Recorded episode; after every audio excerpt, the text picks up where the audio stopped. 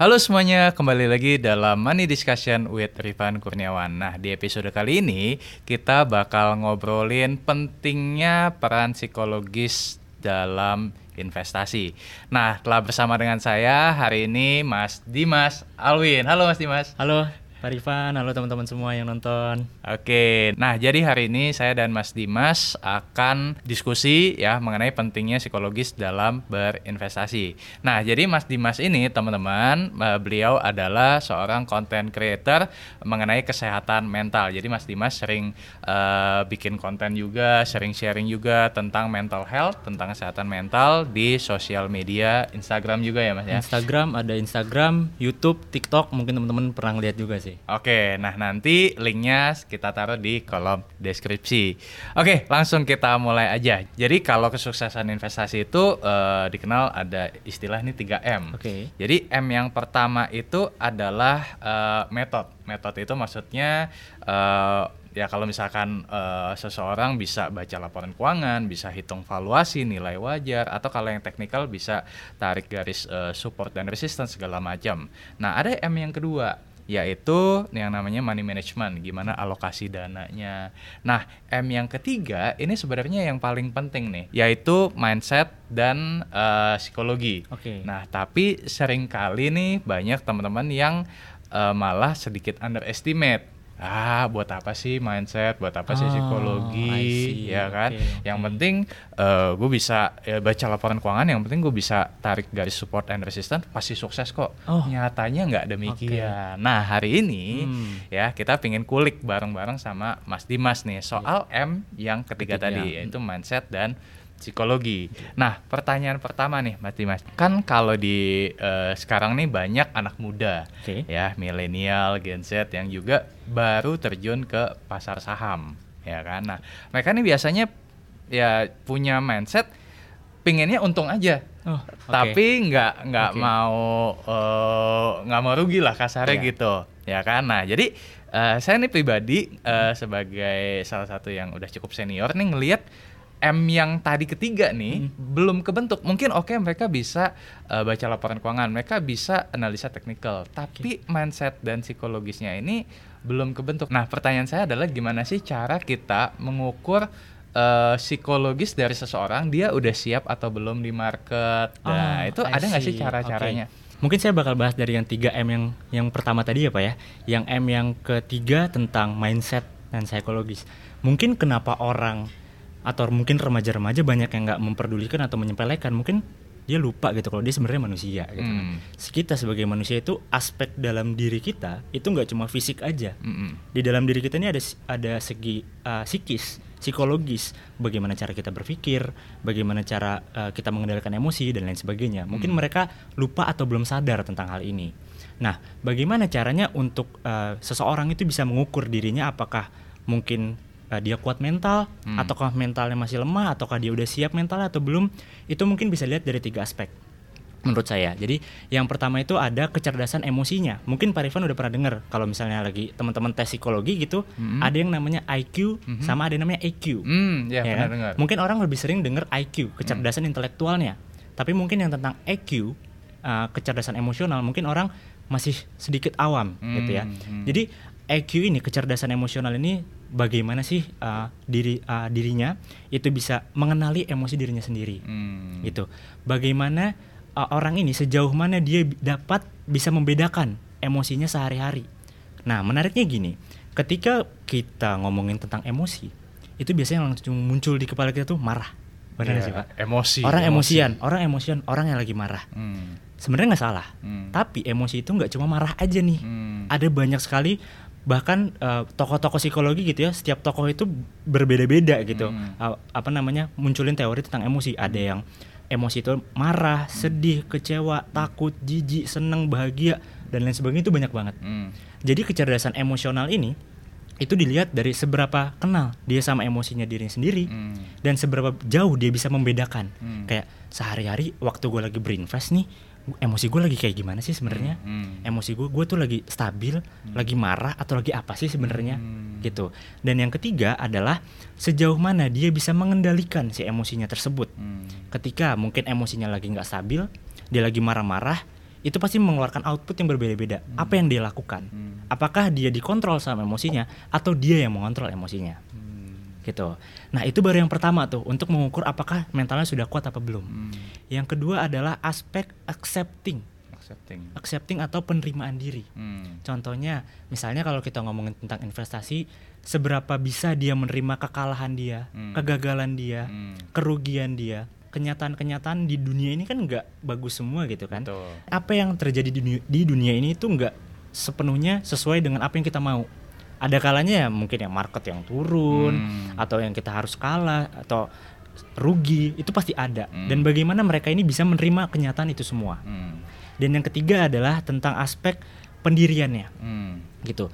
Jadi apakah orang ini, apakah dia ini orang yang tipikal iya iya aja ngikutin alur dari orang lain terus hmm. ngikutin jalan orang lain terus apakah dia pasif hmm. atau apakah dia malah justru agresif hmm. dia punya caranya dia sendiri dia berani say no dia kuat berpegang teguh tapi dengan cara yang agresif hmm. menyakiti orang lain hmm. atau dia adalah orang yang berani bilang tidak dia berani menerima dengan cara yang sopan tanpa menyakiti orang lain hmm. nah jadi memang kalau untuk mengukur kesiapan ant, uh, psikologi seseorang itu aspeknya sangat kompleks kalau bisa dibilang, jangan sangat luas, banyak yang harus dinilai gitu Pak. Oke, nah uh, pertanyaan berikutnya adalah kalau misalkan nih seseorang okay. ya uh, dia mungkin belum mengenal tadi uh, ada ngomong soal acceptance okay. ya mungkin dia belum bisa acceptance atau malah dia yang dikontrol oleh si emosi, emosi. ya kan bukan dia yang mengontrol emosi. Yeah. Nah pertanyaannya adalah uh, gimana caranya supaya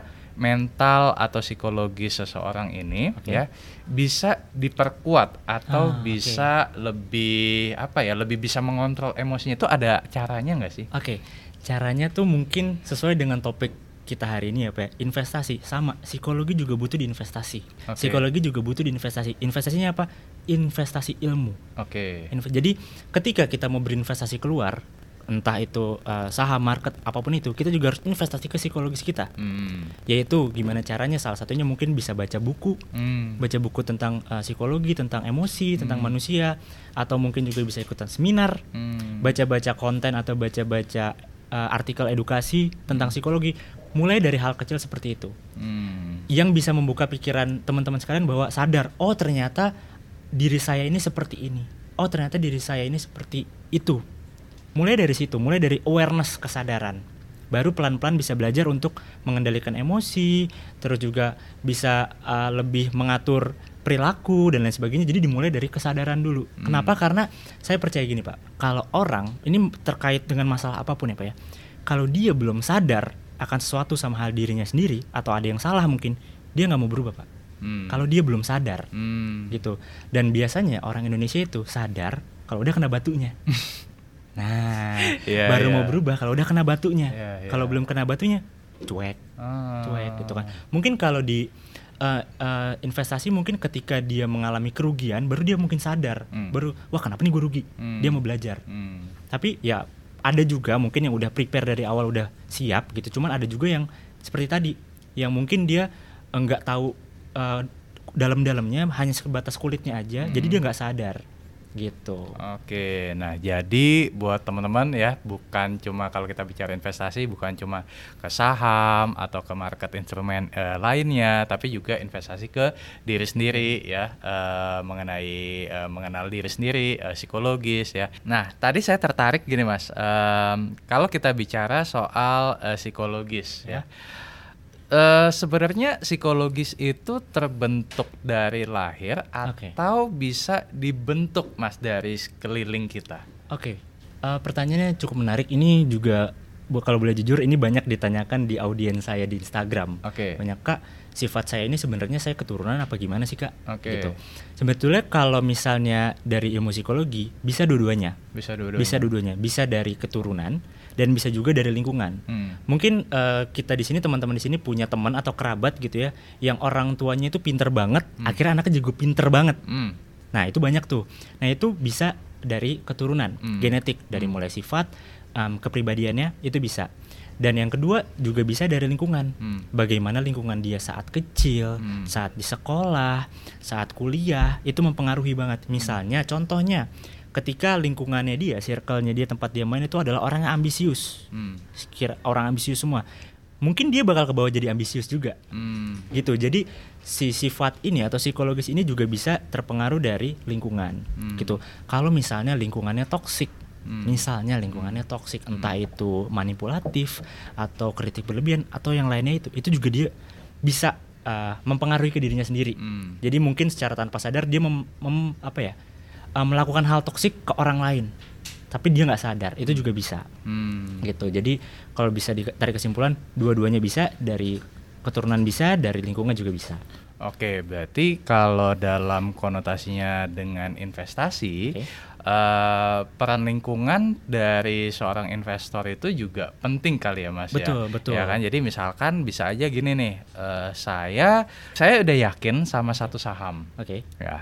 Tapi eh, lingkungan saya nih bilang bahwa wah saham tersebut eh, nggak bagus segala macam, ya kan. Padahal saya udah udah research ya kan, udah udah teliti deh ya eh, tadi karena M yang pertama metode saya udah kuasai, tapi M yang ketiga tadi yaitu yang mindset dan eh, psikologinya belum kebentuk.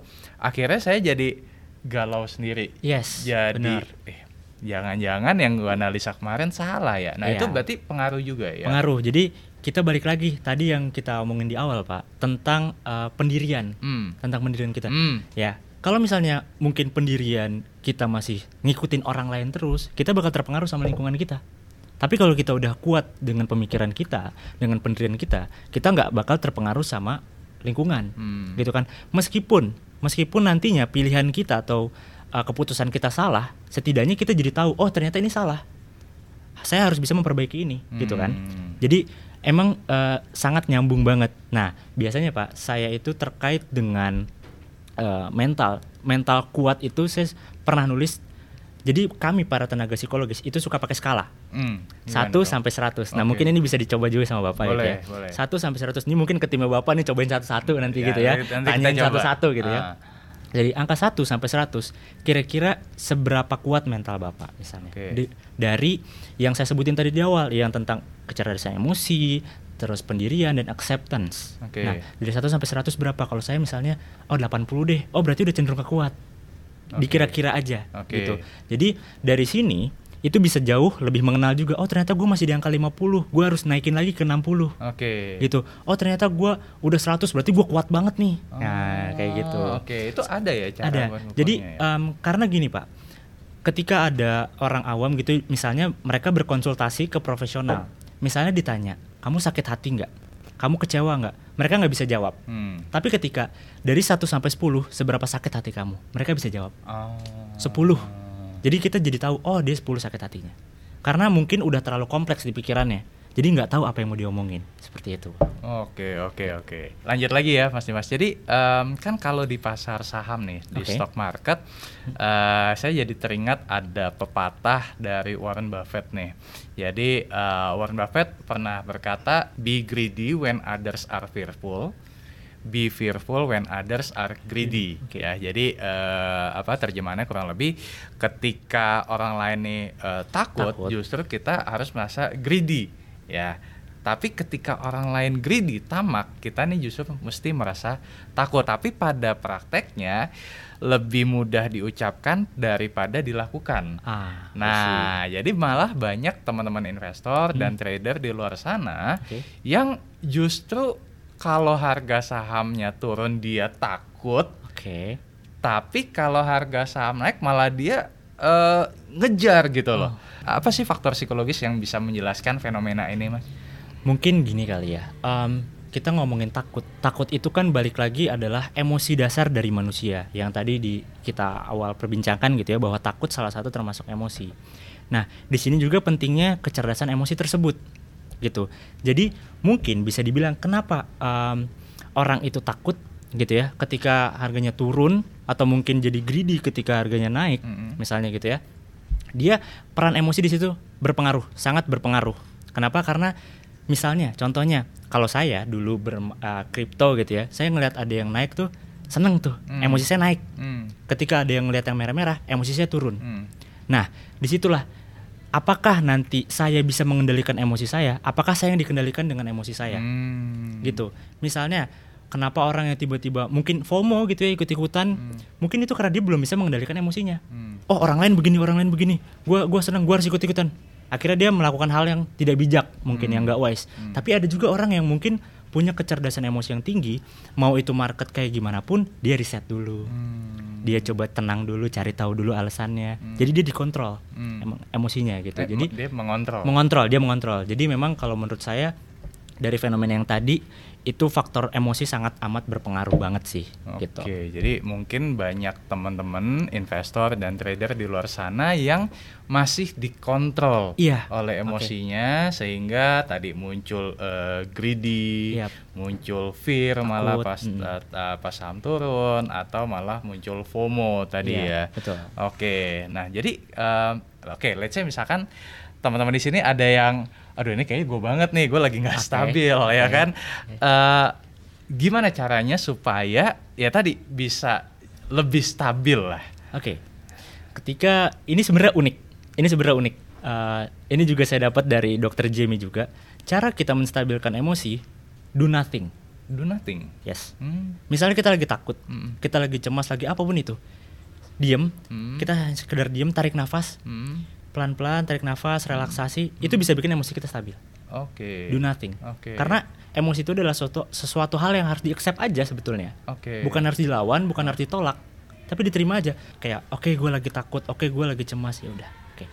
Tapi kalau masih belum bisa dengan cara sendiri, itu bisa dengan curhat, Oke. ngobrol. Misalnya sama rekan yang suka investasi bareng gitu ya, Ah, ah. diskusi bareng, ngobrol sama mereka. Eh gue lagi panik banget, gue lagi takut banget nih soalnya market gini gini gini segala macam, gue nggak tenang. Ah.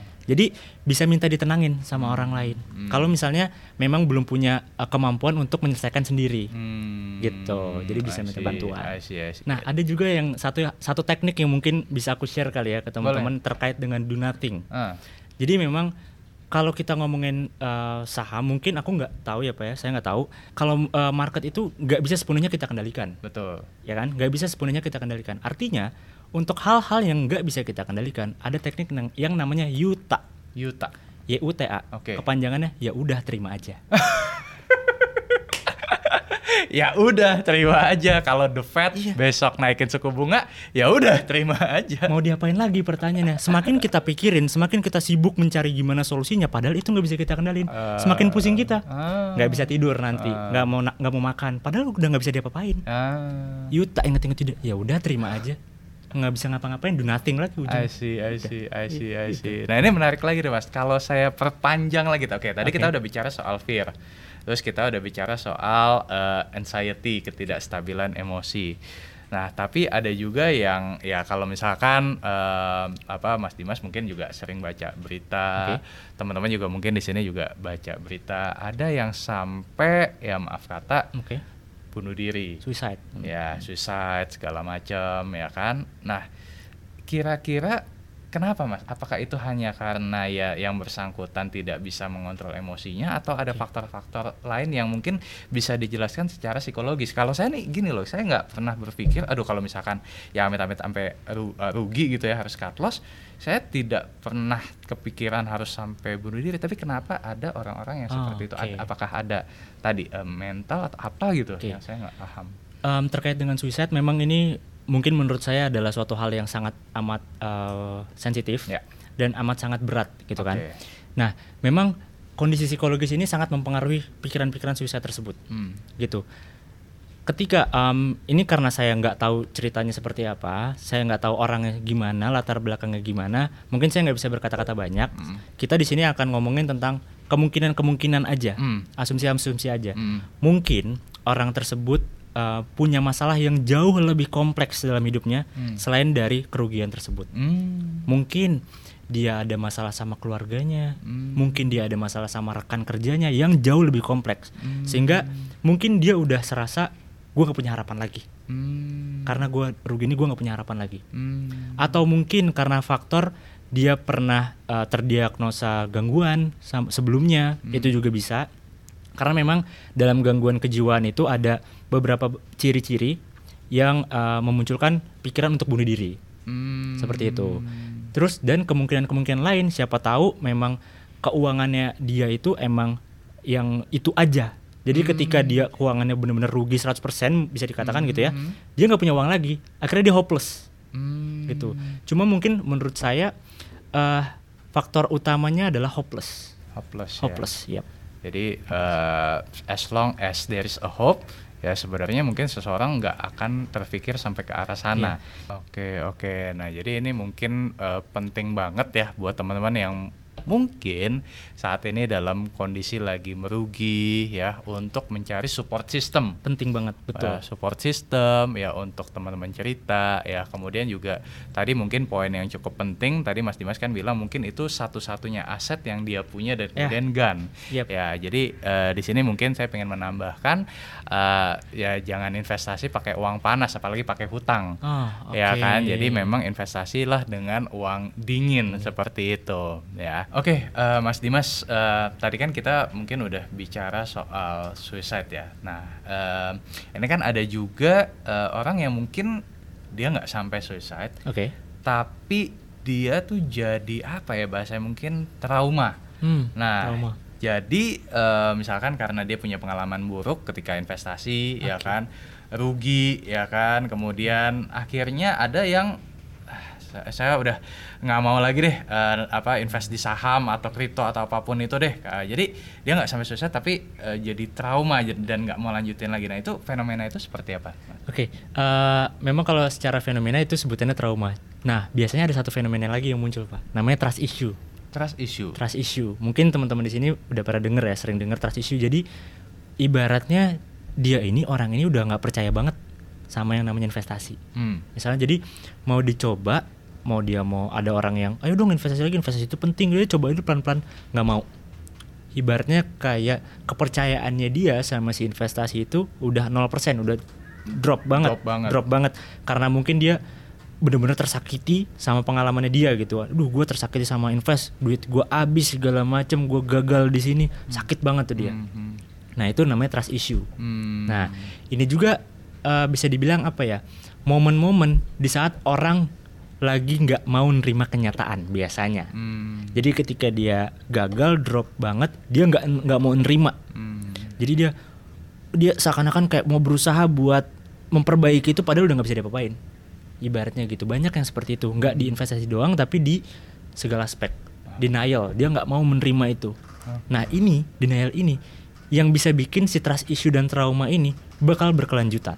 Oke. Semakin dia denial, semakin dia nggak mau mengakui, oke gue udah kalah, saya udah loss, saya udah rugi. Semakin dia nggak mau mengakui, semakin trauma ini berkelanjutan. Dia nggak bakal bisa nanti yang namanya percaya lagi, mencoba lagi, kayak gitu. Eh, dan gimana caranya supaya mengembalikan trust tadi? Oke, nah caranya adalah yang step pertama yaitu mengakui dan menerima itu, menerima bahwa udah kalah, udah rugi, eh, udah gagal, udah tersakiti, menerima itu semua. Hmm. Itu step yang pertama sadar. Yang kedua adalah coba memaafkan, Hmm. forgiveness. Hmm. Memaafkan situasinya, situasi kegagalannya. Mungkin maafin laptopnya, mungkin maafin komputernya, mungkin maafin internetnya. Hmm. Tapi itu adalah suatu hal yang penting. Hmm. Yang kedua, maafin diri sendiri. Nah, biasanya ini yang paling berat nih. Hmm. Mungkin karena dia waktu itu greedy, Mhm. lagi main ngetik-ngetik segala macam, akhirnya yang bikin dia kalah. Hmm. Nah, itu kan diri sendiri dong. Ya. Dorongan diri sendiri. Ya. Nah, maafin itu yang biasa susah. Oke. Jadi em, saya gini sih pak, melihat forgiveness itu bukan suatu kewajiban, tapi forgiveness itu pilihan. Pilihan apakah teman-teman mau melepas eh, eh, beban batin atau enggak? Oke. Kalau mau melepas beban batin, maafkan. Gitu, maafkan diri sendiri, maafin situasinya, maafin orang lain yang mungkin bersangkutan. Oke. Biasanya memaafkan itu susah. Nah, yang selanjutnya mungkin teman-teman sering sering dengar yang namanya berdamai Berdamai. berdamai dengan masa lalu. Cuman bingung, maksudnya gimana sih berdamai sama masa lalu tuh apa yang harus gue damain tuh apa? Gue nggak berantem Hmm. gitu. Ya itu berantem sama diri sendiri. Sama diri sendiri. Yes. Pergolakan batin. Mm-mm, ba- sama batinnya berantem gitu. Jadi mungkin bisa dimulai kayak kalau berhubungan sama orang lain bisa kayak bermaaf maafan sama orang lain. Sorry ya kemarin gue gini gini gini. Kalau berhubungan sama diri sendiri, ya udah bilang nggak apa-apa. Gue kemarin uh, gagal. Gue kemarin ini nggak apa-apa. Itu gue Hmm. gue maafin diri gue sendiri. Gue gue bakal coba lagi yang lebih baik. Hmm. Gitu. Nah, memaafkan ini yang tadi tips yang saya sebutin itu nggak segampang kayak cuma balik ini selesai langsung yeah. bisa trust enggak yeah. ini butuh proses gitu karena terkait dengan trauma itu adalah tentang kesiapan batin okay. apakah batinnya udah siap lagi nih buat berusaha buat kembali nyemplung gitu apakah batinnya belum siap nah itu nggak apa-apa jadi misalnya buat percaya lagi butuh waktu setahun dua tahun it's okay hmm. nggak masalah nggak ada yang diburu-buru gitu hmm. tergantung kesiapan batin aja hmm. kesiapan batin teman-teman sekalian gitu. Biasanya suka ada nanya gini pak. Terus kalau misalnya saya udah nyoba lagi kalau gagal lagi gimana? Biasanya suka gitu iya benar benar. Suka ngulang lagi tuh. Benar. terus kalau gue trauma lagi gimana? Itu jawaban pahitnya adalah mungkin terjadi. Hmm. tapi itu nggak bisa dikendaliin. Balik lagi apa? Yuta. Hmm. ya udah terima aja. Hmm. tapi dengan kita udah tahu oh ternyata ini bisa mengulangi kejadian trauma gue akhirnya kita jadi bisa belajar. Berarti ada harus uh, ada something yang harus kita lakuin biar kita nggak nyemplung lagi hmm. ke jalan yang sama. Oh, apakah gue kemarin terlalu greedy ya?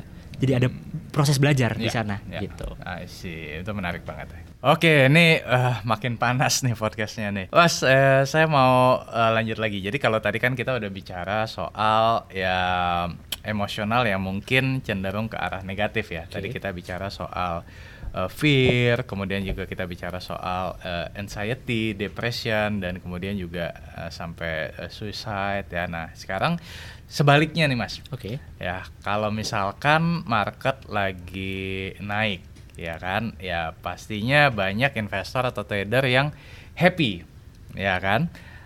Itu kan hal yang normal ya. Iya. Tapi saya juga lihat gini mas, ada fenomena okay. ketika uh, market lagi naik, ya Terus kemudian banyak tuh yang pamer pamer-pamer di sosial media, oh, okay. ya kan? Nggak okay. tahu itu uh, apakah itu ekspresi dari hmm. uh, gue lagi happy nih karena gue profit, ya kan? Atau ya mungkin bahasa sekarang uh, cenderung ke arah flexing, flexing, flexing. ya kan? Nah, okay. kalau dari sisi psikologis tuh okay. apa sih yang uh, menyebabkan uh, fenomena itu, mas? Oke, okay.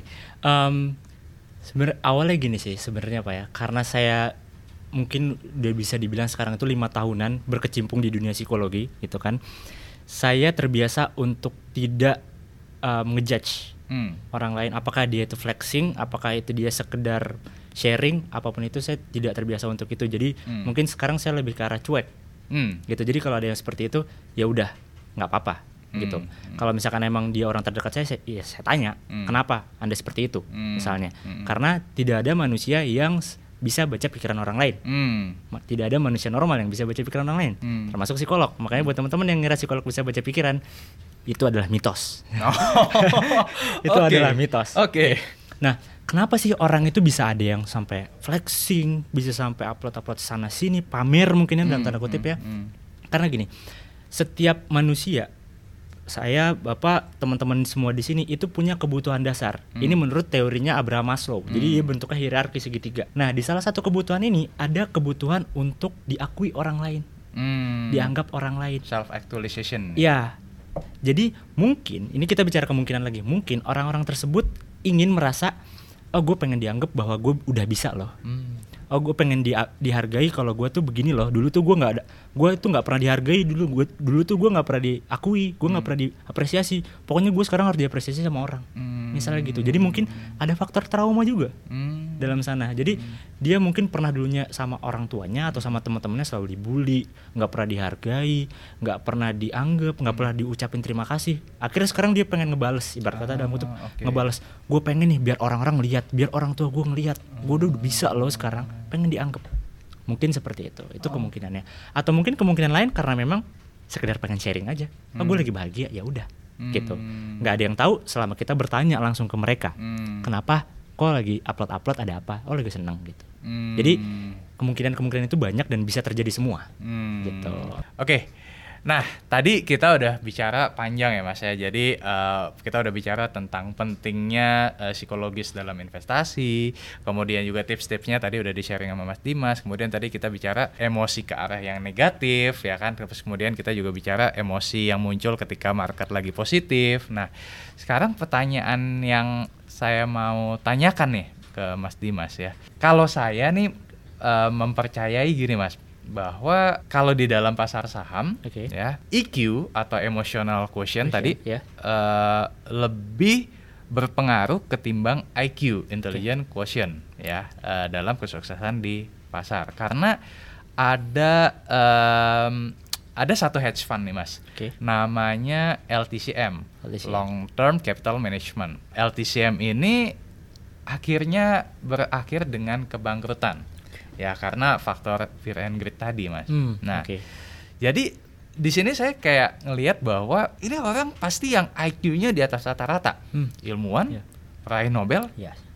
tapi mereka pun bisa berakhir dengan kebangkrutan. Nah, pertanyaan saya untuk Mas Dimas uh, apakah kalau Mas Dimas sendiri uh, ngelihat kalau dalam investasi uh, eh, IQ lebih dominan ketimbang IQ atau sebaliknya atau gimana Mas?